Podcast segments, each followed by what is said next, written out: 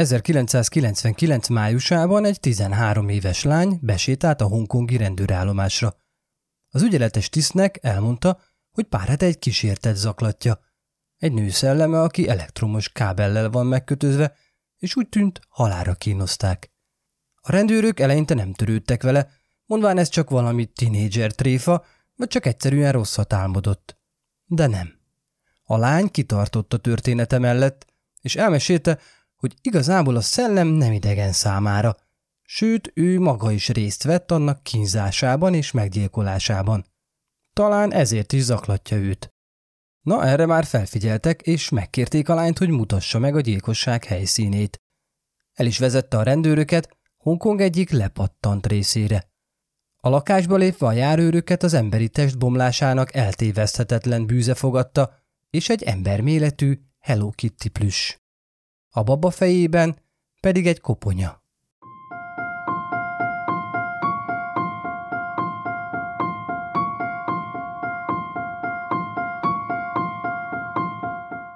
Sziasztok! Szatmári Péter vagyok, és ez itt a megtörtént bűneseteket feldolgozó Bűntények Podcast. Minden epizódban igyekszem az emberi gonoszság legmélyebb bugyraiba alászálni, és elhozni nektek az élet által írt legcsavarosabb és leghátborzongatóbb történeteket. A mai rész valahol egy kísértett történet, valahol pedig egy bűntény. Azaz igazából mindkettő. A történet egyes részei annyira gyomorforgatóak, hogy meghallgatása 13 éven aluliaknak, vagy azoknak, akik erre érzékenyek, nem ajánlott. Tudom, többször mondtam már ezt, de higgyétek el, most szintet lépünk.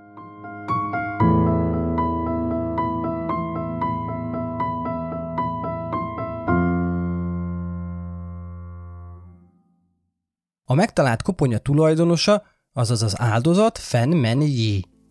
A nő életéről nem sok mindent lehet tudni. Valamikor 1976 körül született Hongkongban vagy annak környékén. Fent kisgyerekkorában elhagyta a családja, ezért lányotthonban nevelkedett. Ahonnan 16 évesen kidobták, azzal, hogy ennyi idős korára már el kell tudnia látni magát. Hongkong annak idején a változások szintere volt, mindenféle értelemben. Fent születése előtt a vietnámi háború miatt Hongkongban megnövekedett az amerikai befolyás. A háborúba menő és onnan jövő katonák nyugalmat és egy kis kikapcsolódást kerestek a városállamban. A gazdagok és a szegények közt a szakadék elmélyült, és a korrupció mindenhová behálózta magát. Az ipar szinte szabályozatlanul alkalmazott kizsákmányolt tömegeket, irdatlan túlmunkára kényszerítve a sokszor embertelen körülmények közt robotoló embereket. A munkások vágya a jobb fizetésért és az emberibb körülményekért utcai zavargásokig folyult – a folyamat végeredménye egy politikai tisztogatás, vagy finoman fogalmazva reform lett. Eközben Kína mindent megtett azért, hogy Hongkong tudtára adja, ők Kína részeként tekintenek rá. Ennek köszönhetően kínaiak özönlöttek a városba, ami hatalmas gazdasági fellendüléshez vezetett, aminek alapja a csúcs technológiai ipar lett. Az ázsiai tigris nagyot ugrott. Akkoriban, ha egy családnak nem volt pénze, hogy minden gyermekét tanítassa, a fiúk javára döntöttek. Bár ez nem sokkal fenn születése után megváltozott, az édesanyjára még valószínűleg nagy nyomást nehezedett, hogy fiú utódot hozzon világra. Azokat a nőket, akik nem tudtak fiút szülni, férjeik gyakran elhagyták. Már nem igazolt, jó eséllyel fenn is ezért kötött ki egy leány otthonban. Később, a 90-es években Hongkongban már virágzott a drogkereskedelem és a szervezett bűnözés. 1997-ben pedig a város a britektől visszakerült Kína fennhatósága alá. Ezt megelőzően a bűnbandák minden időt és relatív szabadságot próbáltak arra használni, hogy megszedjék magukat a kínai szigor előtt. Sokan közülük triádokat alakítottak. A 90-es évek Hongkongjában felnövő tinédzser Végül a kenyérkereset legkézenfekvőbb mondját választotta, szexmunkásnak állt. Közben pedig droghasználó lett, talán azért, hogy elviselje a prostitúciót. Függőségét testének intenzívebb árulásával tartotta fenn. Bár arról nincs pontos információ, hogy milyen drogra szokott rá, nagy valószínűséggel az a metamfetamin volt, röviden met. A drogos környezete pár kisebb bünténybe is belevitte – Jellemző volt akkoriban, hogy azok a lányok, akik egy bandatag barátnőjeként kapcsolatba kerültek a szervezet bűnözéssel, gyakran belevonódtak a droghasználatba és kisebb bűntényekbe is. 1997-ben a 21 éves Fenn hostessként kezdett el dolgozni egy felkapott éjszakai klubban. Bár lehetséges az is, ahogy egyes források tudni vélik, hogy az éjszakai klub egy drága kéjház volt, ahol Fenn prostituáltként dolgozott. Ekkor találkozott a 34 éves, az éjszakai életben jól ismert Chen Men Lokkal. Hamar egymásra találtak. Volt pár közös pontjuk, mint például az, hogy Chen drogkereskedő és strici volt. Miután összejöttek, Fenn Chen háremének tagja lett. Nem érzelmi alapon kapcsolódtak, inkább olyan függőségin. Szó szerint. Fenn számára vonzó volt a férfi élete, ami tele volt pénzzel, csillogással és befolyásos, vagy legalábbis annak mondott barátokkal. Chen a megjelenésére is sokat adott, hamis ármáni ruhákat hordott kamurolexel, és pénzével igyekezett villogni. Amellett, hogy kereskedett a droggal, nagy mennyiségben fogyasztotta is, leginkább metet. Kis idővel később Fennek sürgősen pénzre lett szüksége, valószínűleg a drogfüggősége miatt, és egy meggondolatlan pillanatban ellopta Chen tárcáját az olyan egymillió forintnak megfelelő pénzzel együtt. Ez a tette végül végzetesnek bizonyult számára. Amikor Chen rájött, elöntötte a dű és magához hívatta két társát. Liung Wei Lun, 21 éves, és Leung Xing Cho, 27 éves, elkapták a nőt és arra kényszerítették, hogy az ellopott összeget uzsorás kamataival együtt fizesse vissza. Vagy pénzben, vagy testének áruba bocsájtásával. Fenn így további prostitúcióra kényszerült, hogy fizesse a tartozását. Jól haladt vele, legalábbis eleinte. Igazából viszont egy pokoli csapdába esett, hisz a pénz, amivel tartozott a kamatokkal együtt csak nőtt. Ezért annak törlesztéséhez még többet kellett kéjelegnie, és ezzel még jobban az uzsorás triád markába szorult. Miközben törlesztette tartozását, megházasodott és szült egy kisfiút. Férje állítása szerint leállt a droggal is. Mondjuk arra is lehet forrás találni, hogy a párja is drogos volt, meg erőszakos is a nővel. Bármelyik verzió is igaz, egy gyermekével közösképpen mindketten, fenn és a kicsi is boldognak és egészségesnek látszanak. 1999-re az akkor 23 éves Fenn úgy érezte, visszafizette az ellopott pénzt Csennek, a megközelítőleg 2 millió forint értékű kamatokkal együtt. A férfi viszont nem így gondolta. További 4 millió forintnak megfelelő pénzt követelt a nőtől. Elképzelhetetlen teher nehezedett ezzel Fenn vállára. Ott volt a kisfia, az élete, a számlái, viszont a korábbi ballépése még kísértette. Biztos volt benne, hogy nem fogja tudni teljesíteni csend követelését, de azért megpróbálta. Eközben az eddigre főállású striciei folyamatosan bántalmazták fizikailag. Is. A bántalmazások nyomai miatt a kliensek elmaradoztak a nő mellől. Ahogy azt sejthettük előre, késni kezdett a fizetéssel. 1999. március 17-én Chen ismét összehívta a társait, hogy rabolják el a nőt és vigyék el hozzá a város lepattant részén lévő öreg bérházba, ahol lakott. A lakása érdekes módon javarészt Hello Kitty témájú tárgyakkal volt dekorálva, függöny, szőnyeg, plüssállatok, mind-mind Hello Kitty témájú. Az ok, amiért a kemény triádtagok Hello Kitty-vel dekorálták a drogtanyájukat, az lehetett, hogy a videójáték szenvedélyük miatt sokat jártak játékterembe, ahol a különböző játékokkal Hello Kitty témájú dolgokat nyertek, amiket hazahordtak. Fent felhurcolták a lakásba és egyből erőszakosan faggatni kezdték, hogy miért nem haladt tartozásának törlesztésével. Próbálta megmagyarázni, de a magyarázata nem volt kielégítő a férfiak számára. Ekkor vette kezdetét az elképzelhetetlen kínzások sora. Újbóli figyelmeztetés. A műsor hátralévő részében kínzásról és holtest gyalázásról lesz szó. Ezek az érzékenyebb hallgatók számára felkavaróak lehetnek. Az epizód további hallgatása számukra és a 13 év alattiak számára nem ajánlott. Igazából senkinek sem ajánlott. A triád mindhárom férfi tagja krónikus metamfetamin használó volt. A met egy erős és nagyon addiktív drog, ami a központi idegrendszerre fejti ki a hatását. Kémiailag az amfetaminhoz hasonlít, amit ADHD-s betegek gyógyítására is használnak. Ha egy ilyen beteg amfetamint kap, lenyugszik és jobban tud fókuszálni. Azoknál, akik nem szenvednek ebben a betegségben, a szer pont ellenkező hatást ér el, azaz szuperaktívá válnak. Fáradhatatlanok lesznek, megnövekszik az étvágyuk, felgyorsul a légzésük és szívverésük. Legyőzhetetlennek érzik magukat és könnyen irritálhatóvá válnak. Alvászavar és szorongás is előfordulhat. Ezek összessége erőszakos viselkedéshez, paranoiához és halucinációkhoz vezethet. Bár én még nem láttam med hatása alatt lévő embert élőben, de állítólag ijesztő. Miután elsötétítették az ablakokat, megkezdték a nő brutális bántalmazását. Elsőnek egyesével kegyetlenül megerőszakolták. Majd az aktusok végeztével vascsővel verték tovább és ráugráltak. A kínzások nem együttemben zajlottak le.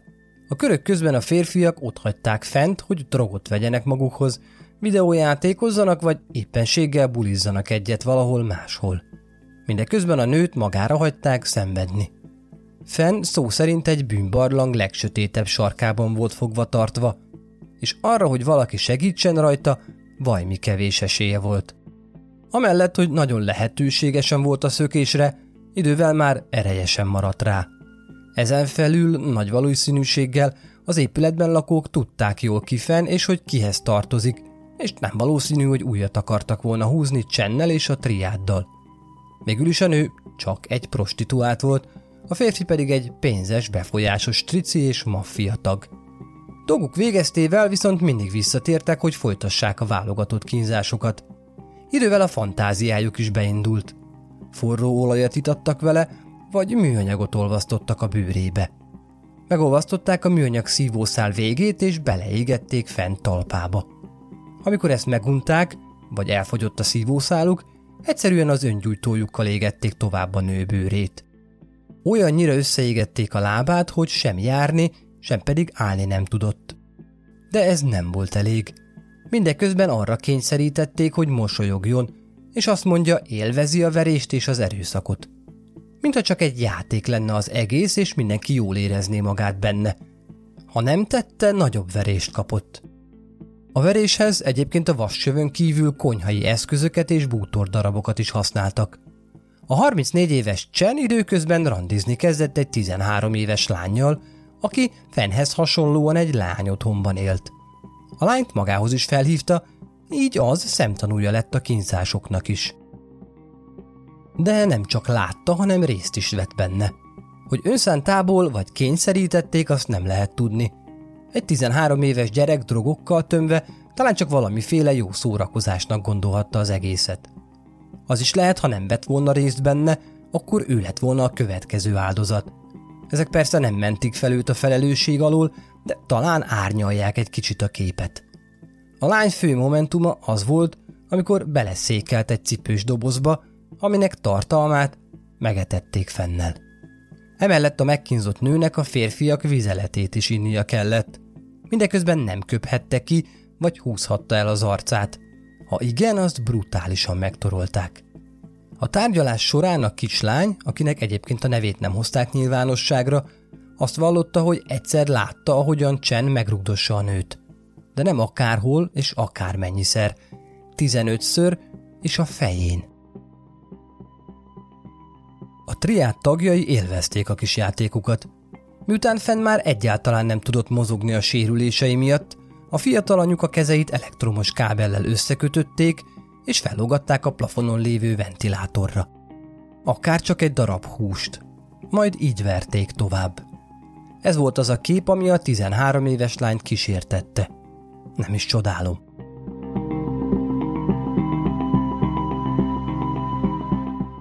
Ha te is megtörtént bűnesetek rajongó vagy, akkor kérlek látogass el a bűntények Facebook és Instagram oldalára. És ha már ott jársz, lájkod vagy oszd meg a bejegyzéseket, ezzel segítve a csatorna további növekedését. Ha még több hátborzongató vagy izgalmas esetre vágysz, akkor hallgass vissza a régebbi részeket, amiket megtalálsz Spotify-on, iTunes-on, vagy ahol hallgatod a podcastjeidet. De most vissza a történethez.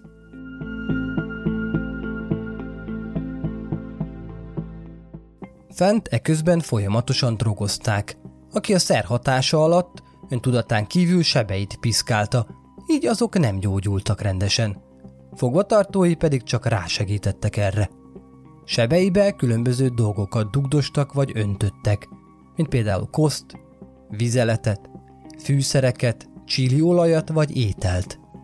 Így azok még kevésbé tudtak gyógyulni, fenn pedig még több fájdalmat és megaláztatást élt át. A tortúra egy hónapig tartott. 30 nap tiszta pokol. Mintha csak azt akarták volna megnézni, hogy mennyi ideig bírja a nő. A vége felé Fenn már elelvesztette az eszméletét, éber pillanatai egyre rövidebbek lettek. Végül, mint egy megváltásként szerzett sérüléseibe, belehalt. De az is lehet, hogy szándékosan túladagolta magát mettel, hogy véget vessen a szenvedéseinek. Ez mondjuk kevésbé elképzelhető, tekintve a legyengült fizikai állapotát. A holtestet a fiatal lány fedezte fel, miután visszatért a férfiakkal egy játéktermi kiruccanásból. Azok magyarázata fenn halálára csak annyi volt, hogy biztosan túladagolta magát. Biztos. Az, hogy egy hónapig kínozták, az meg se neki.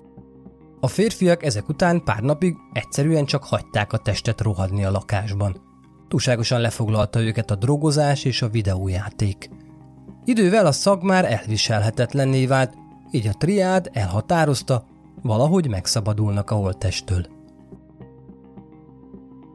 Csak szólok, innentől, ha lehet, még undorítóbbá és gyomorforgatóbbá válik a történet. Az élettelen testet a fürdőkádba tették, ahol először megpróbálták a vért kiereszteni belőle, majd egy fűrészsel feldarabolták. A testrészeket ezután átvitték a konyhába, ahol egyenként forró vízben kifőzték vagy sütőben megsütötték azokat, hogy megállítsák a bomlást. Mindeközben ugyanabban a konyhában, ugyanazokkal az edényekkel magukra is főztek.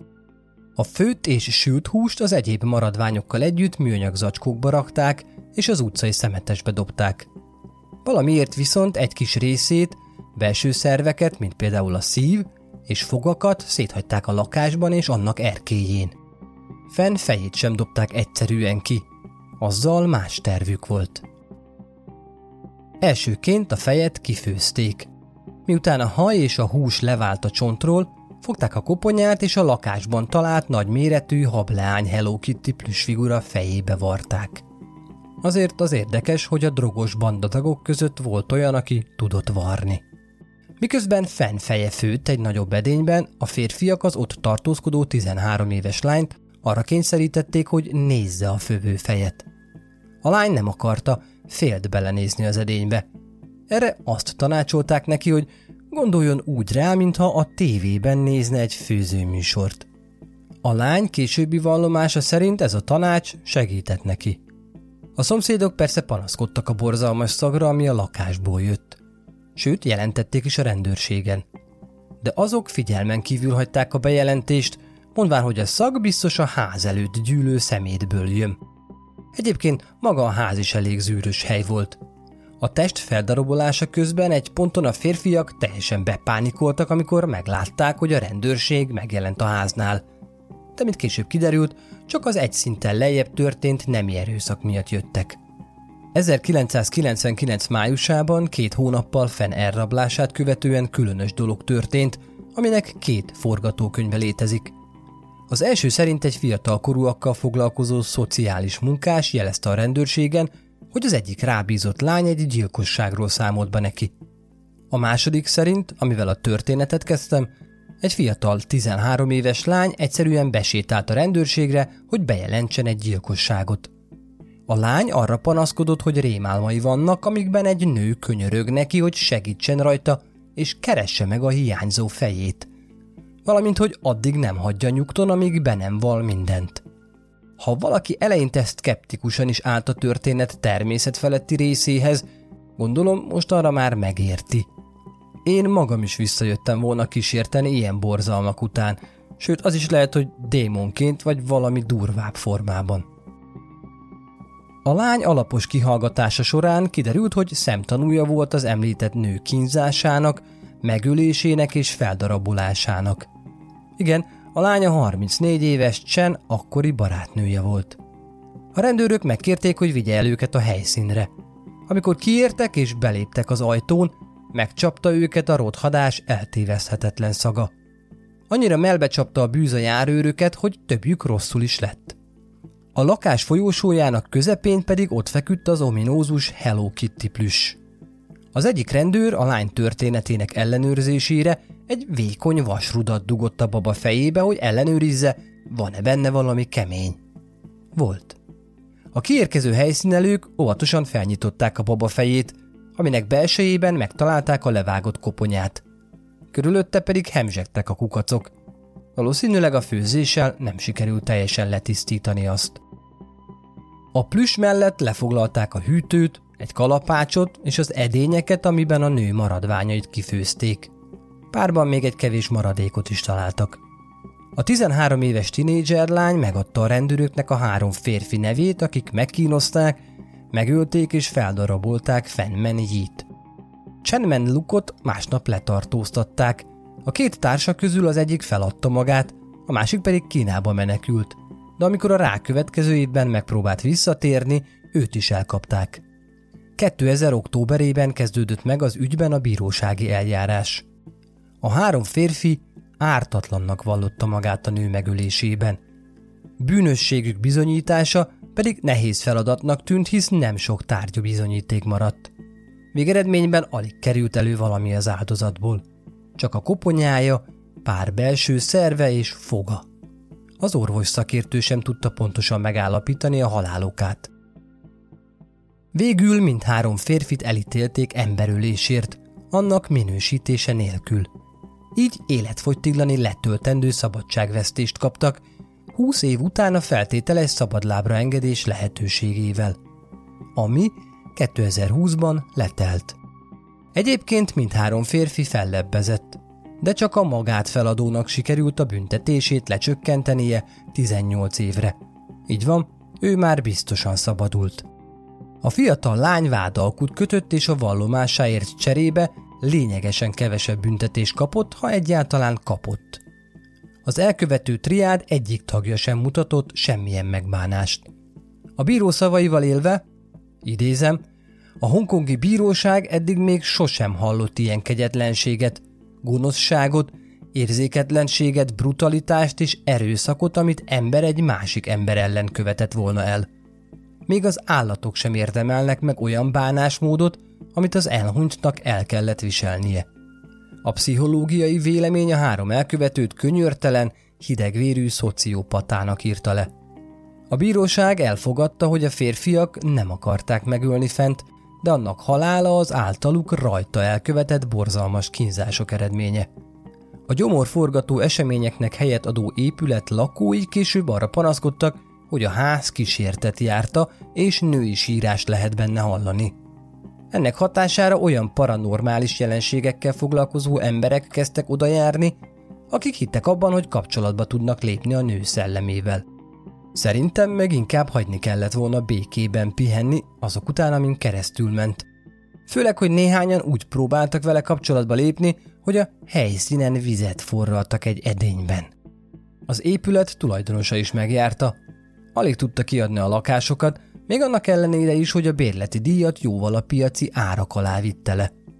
Végül egy fodrászszalon vette ki az első két emeletet, de az ott dolgozók is ijesztő, természetfeletti jelenségekre panaszkodtak. 2012-ben az épületet lebontották, és egy hotelt építettek a helyére. Fent koponyáját a bírósági tárgyalás és a fellebbezések után 2004-ben visszaadták családjának.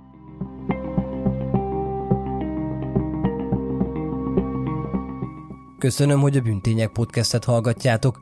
Találkozunk a következő epizódban. Addig is, sziasztok!